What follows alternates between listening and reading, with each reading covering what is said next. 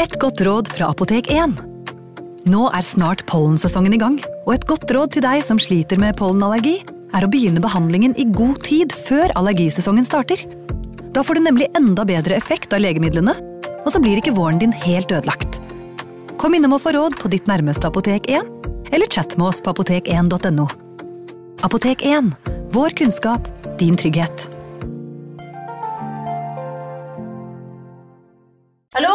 Jeg kommer fra Oslo politikammer. Ine Jansen er purk. Er du purk? The motherfucking bitch. Alt jeg vil, er å finne ut hva som skjedde med mannen min. Jon Carew. Er jeg sikta for noe? Iben Akeli. Det er du.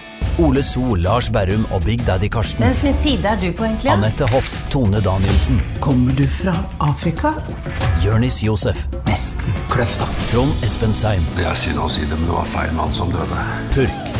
Premiere tirsdag på TV2 Play.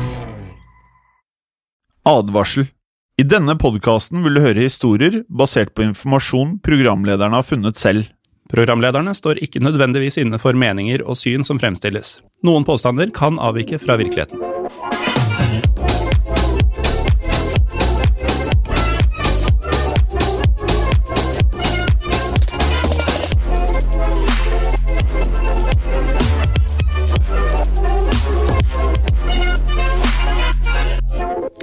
Og velkommen til en ny utgave av Historiepodden. Året er nå på hell, og vi er altså i ferd med å entre desember. Gleder du deg til jul, Morten? Nei, vet du hva? Eh, På vei hit i dag så skulle jeg innom eh, en sjappe for å kjøpe papir til printeren her på Moderne Media. Og da jeg så at køen gikk rundt hjørnet i butikken, så slo det meg at eh, nei, julestemninga er langt unna. Nei, Så du endte med å ikke kjøpe papirene? Det ble ikke noe papir. Nei. Eh, nei, jeg har ikke helt eh, julestemningen selv. Eh, men da er det jo eh, like greit at dagens episode ikke har noe som helst med jul å gjøre. Bra bygd opp, eller? Ja, eh, Hva har dagens episode noe med å gjøre? Ja, I dag så er det duket for eh, nok en kuriositet. Jeg har blitt veldig glad i disse her. Så eh, Jeg håper lytterne er det òg, for de kommer ofte for tiden. Ja, og nå er det jo gjerne sånn at eh, jeg har sett litt på lyttertallene, og vi er jo nok en gang etter forrige episode på en ny eh, høy. Så, så det er jo, virker som kuriositetene går bra. Jeg tror uttrykket 'en ny høy' eh, går vesentlig bedre på engelsk enn på norsk. Ja, det var litt eh, norsk-engelsk i det der, Morten. Eh, I dag så eh, tenkte jeg at eh, hvis vi skulle kategorisert kuriositeten, så hadde jeg dytta det rett under sprøtt. jeg. Ja, et ganske egna stikkord. Eh, Knasende, kanskje til og med. I dag skal vi egentlig snakke om en person som kanskje ikke er så kjent, da. Men som likevel har et svært kjent eh, navn, i hvert fall etternavn. John Harvey Kellogg er kanskje ikke så overraskende assosiert med Kellogg's Company. Jepp. Og da er eh, Ja, hva skal vi si? Det mest kjente han noen gang bidro med, var cornflakes. Derav sprøtt. Der er vi i havn. Eh, I tillegg så sto han jo bak en rekke andre matprodukter, men det må jo sies at selveste Mr. Kellogg, han var jo en, eh, en sprø type. Du mener doktor Kellogg? faktisk, for dr. John Harvey Kellogg han var først og fremst lege, og kanskje særlig opptatt av kosthold og helse.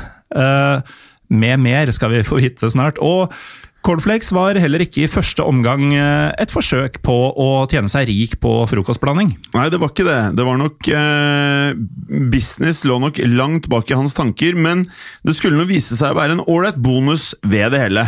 Eh, men hva er det vi egentlig tenker på når vi sier cornflakes? Det er jo, det er jo frokost. Ja, for du tenker da selvfølgelig ikke på onani.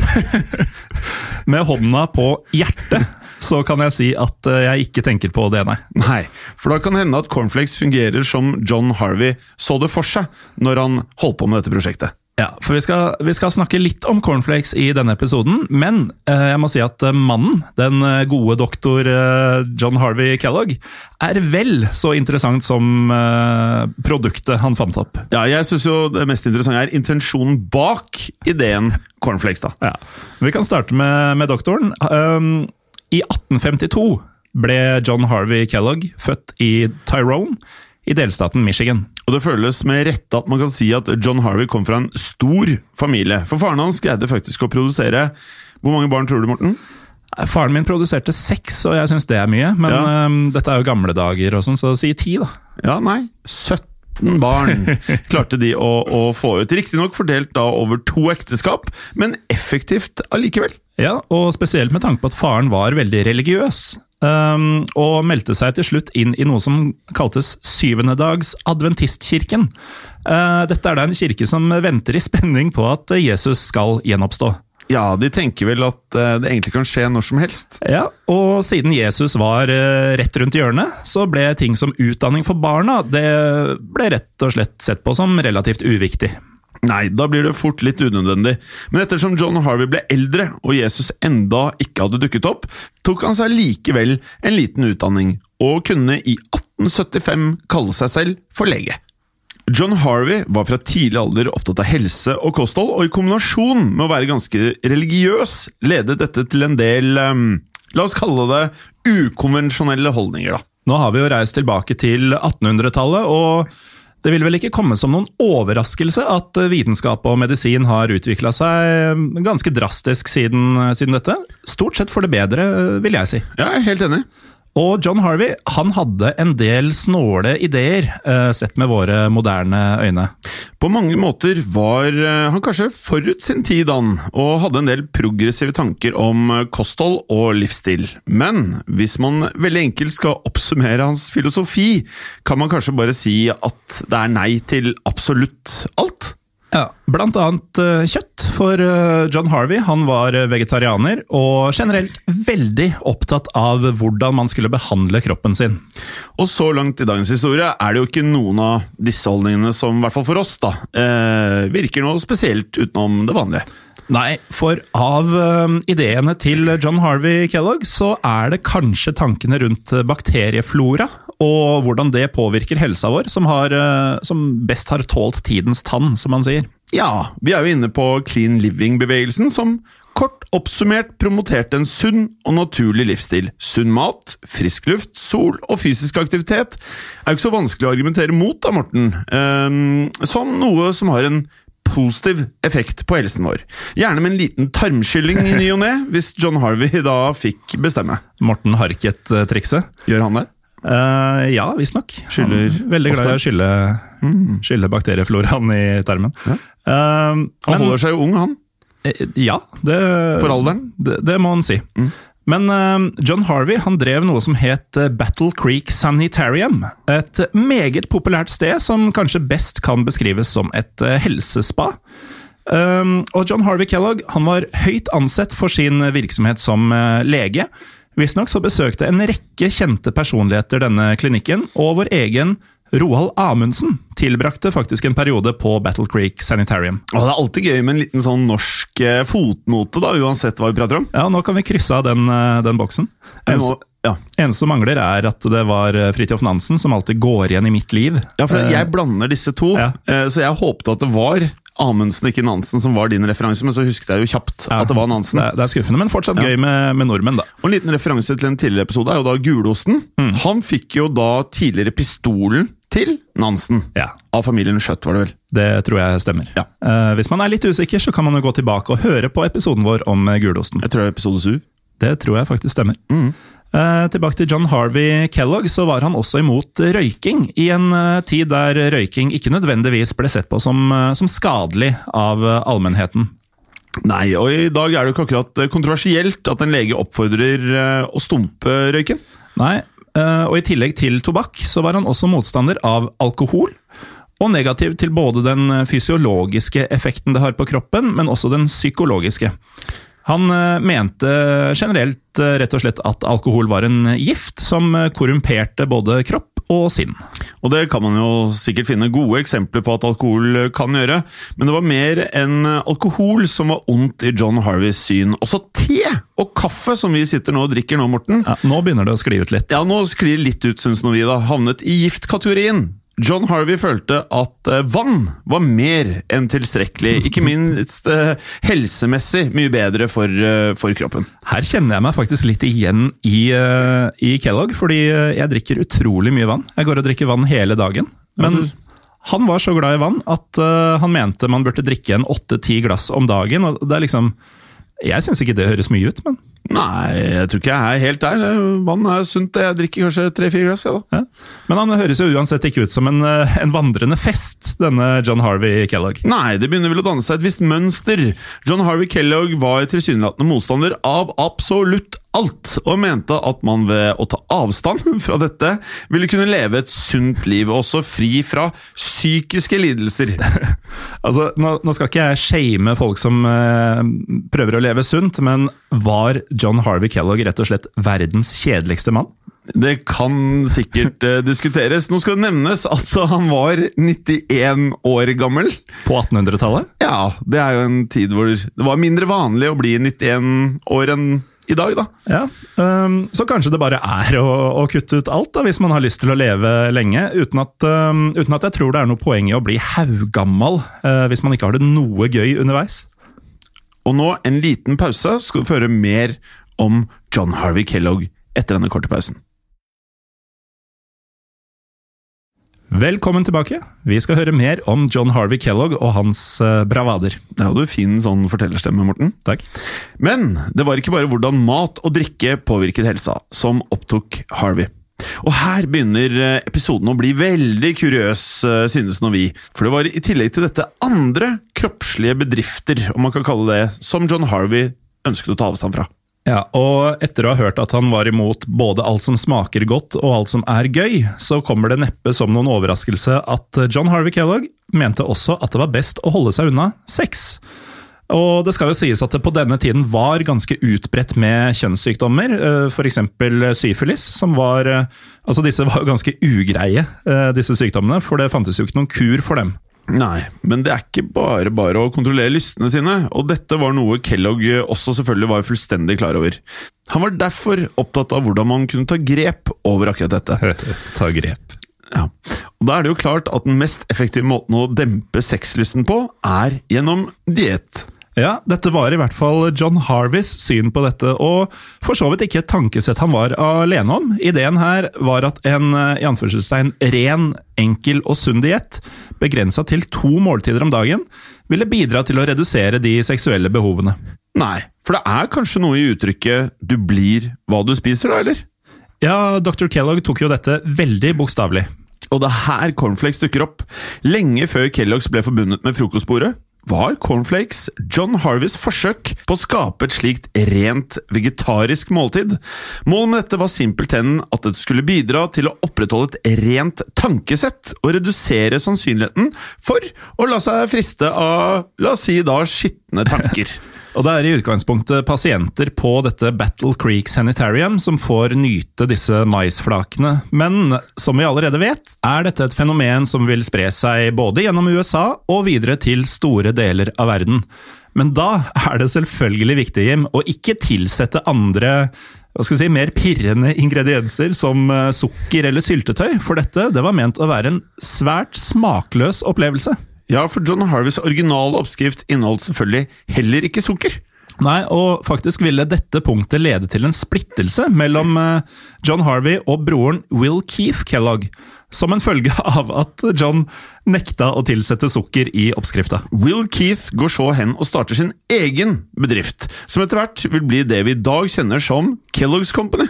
Det er jo interessant å tenke på at et matprodukt designet da for å være så kjedelig som overhodet mulig, ender opp med å bli en av de mest ikoniske og da selvfølgelig mest populære frokostrettene gjennom tidene. Bare av litt sukker, liksom. Men øh, det kunne jo, kunne jo vært spennende, Jim, å se hva som ville skjedd med hva heter det, libidoet, libidoen, eh, libido, dersom man kun spiste cornflakes i en uke. Ja, denne vitenskapen er jo heller utdatert, men jeg må jo si da, at jeg ikke ser for meg at uh, den skyter i været akkurat. Men cornflakes var jo uansett et av Kelloggs relativt harmløse forsøk på å hemme det vi refererer til som skitne tanker. da. Ja, for det blir verre. Ja, for nå må det sies også at cornflakes i dag inneholder sukker, så det er nok dessverre ikke like effektivt som John Harveys originale oppskrift. Nei, men da blir det ikke noe av det eksperimentet. Det var vel lite av dette som høres ut som starten på et eh, forretningsimperium verdt milliarder av dollar, men dette ble nå da faktisk resultatet, en dollarbusiness. Mm. Men eh, målet for eh, John Harvey det var jo å vokte seg for eh, kjønnssykdommer, og det er jo selvfølgelig ikke så kontroversielt å oppfordre til. Men John Harvey han stoppa ikke der. Han mente at selv samkvem mellom mann og kone kunne være farlig. I hvert fall eh, dersom det gikk over til å bli det han kalte overdrevent. Dette til tross for at faren hans da fikk 17 barn! John Harvey derimot gikk hardt inn for dette, og holdt seg til tilsynelatende unna seksuelle aktiviteter hele sitt liv. Og han og fruen adopterte fremfor å produsere egne barn, og gikk for en løsning med separate soverom. Det er så koselig! Ja, det høres uh, veldig koselig ut, dette. Uh, litt er kanskje ordet man bruker for å, for å omtale John Harvey Kellogg? Han er vel ingen romantiker, kanskje? Nei. Men um, det fantes et enda større onde der ute enn samleie mellom mann og kvinne, nemlig onanering. For nå er vi inne på en skikkelig kampsak for John Harvey. Og her var det ikke bare fysisk og psykisk helse man sto i fare for å korrumpere. Her var det også et spørsmål om moral. Og Nå var jo motstand mot eh, onanering ganske utbredt på denne tiden, eh, i hvert fall sammenligna med i dag. Og leser man Bibelen helt bokstavelig, så er jo dette en, eh, en fy-fy-handling. Ja, skikkelig fy-fy. Men også her var nok John Harvey noe mer ekstrem i sine holdninger enn det allmennheten var. For det var ikke grenser for hvor mye sykdom og forferdelighet man kunne pådra seg dersom man hadde for vane å, å hygge seg litt på egen hånd. Nei, det er jo mange nå motbeviste meninger her som man kanskje allikevel har hørt om. Ta for eksempel at man kan bli blind, oppleve hårtap og få kviser av å onanere. Ja, jeg hørte også en gang i tiden at eh, man kunne få hår i hendene. Ja, det er jo ikke noe kult. Nei, det vil man jo ikke ha. Onani var for John Harvey en eh, nedarvet sykdom, langt fra noe naturlig lyst, dette her.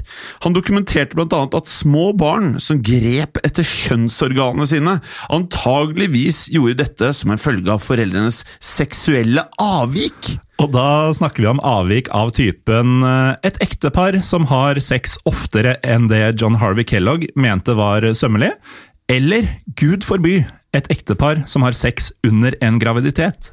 Men kanskje enda verre mente John Harvey Kellogg at onani også kunne medføre at man fikk kreft. Okay. Epilepsi, eller og da også kunne bli impotent.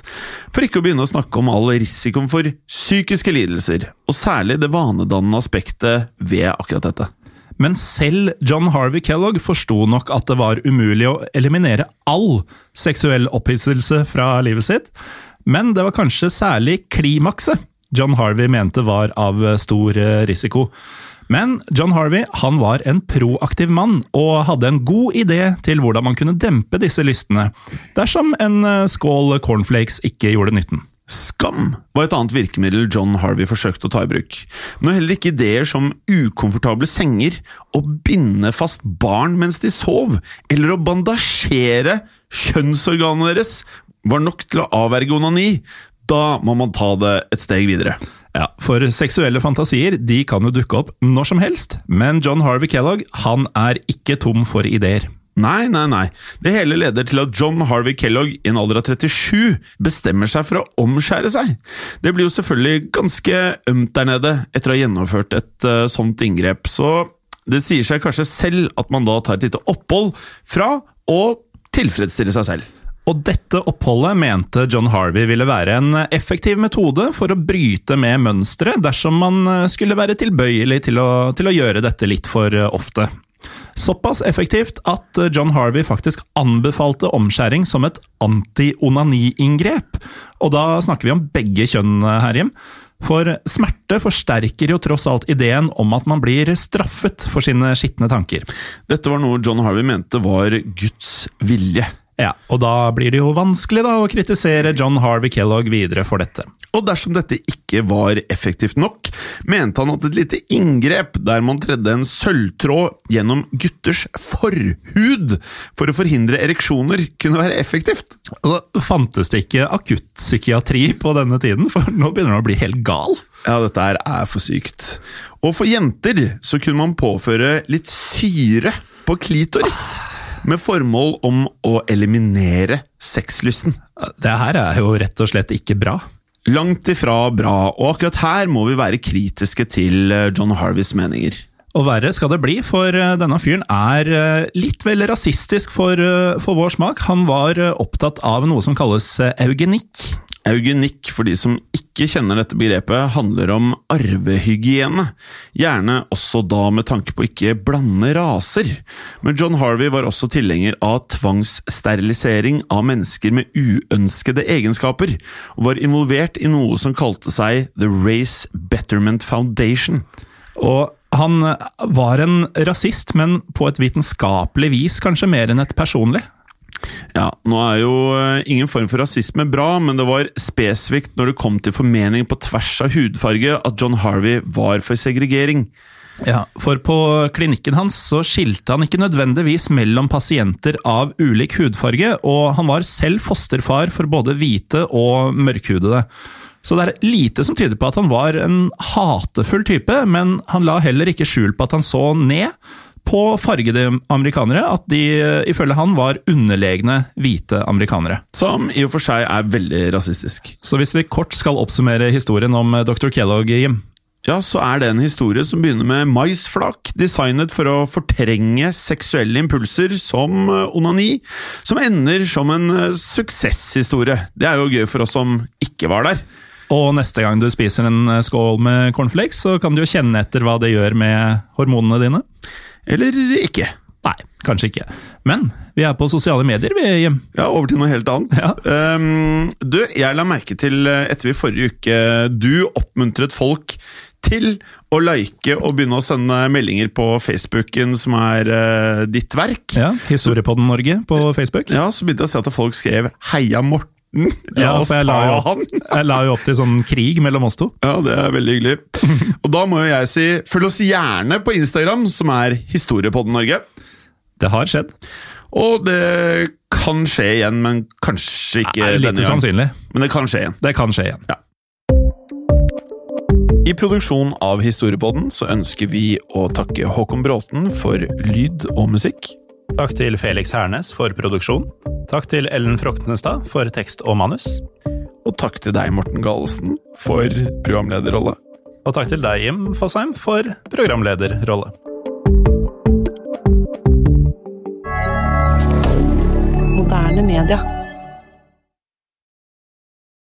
Har du et enkeltpersonforetak eller en liten bedrift? Da er du sikkert lei av å høre meg snakke om hvor enkelt det er med kvitteringer og bilag i fiken, så vi eh, gir oss her, vi.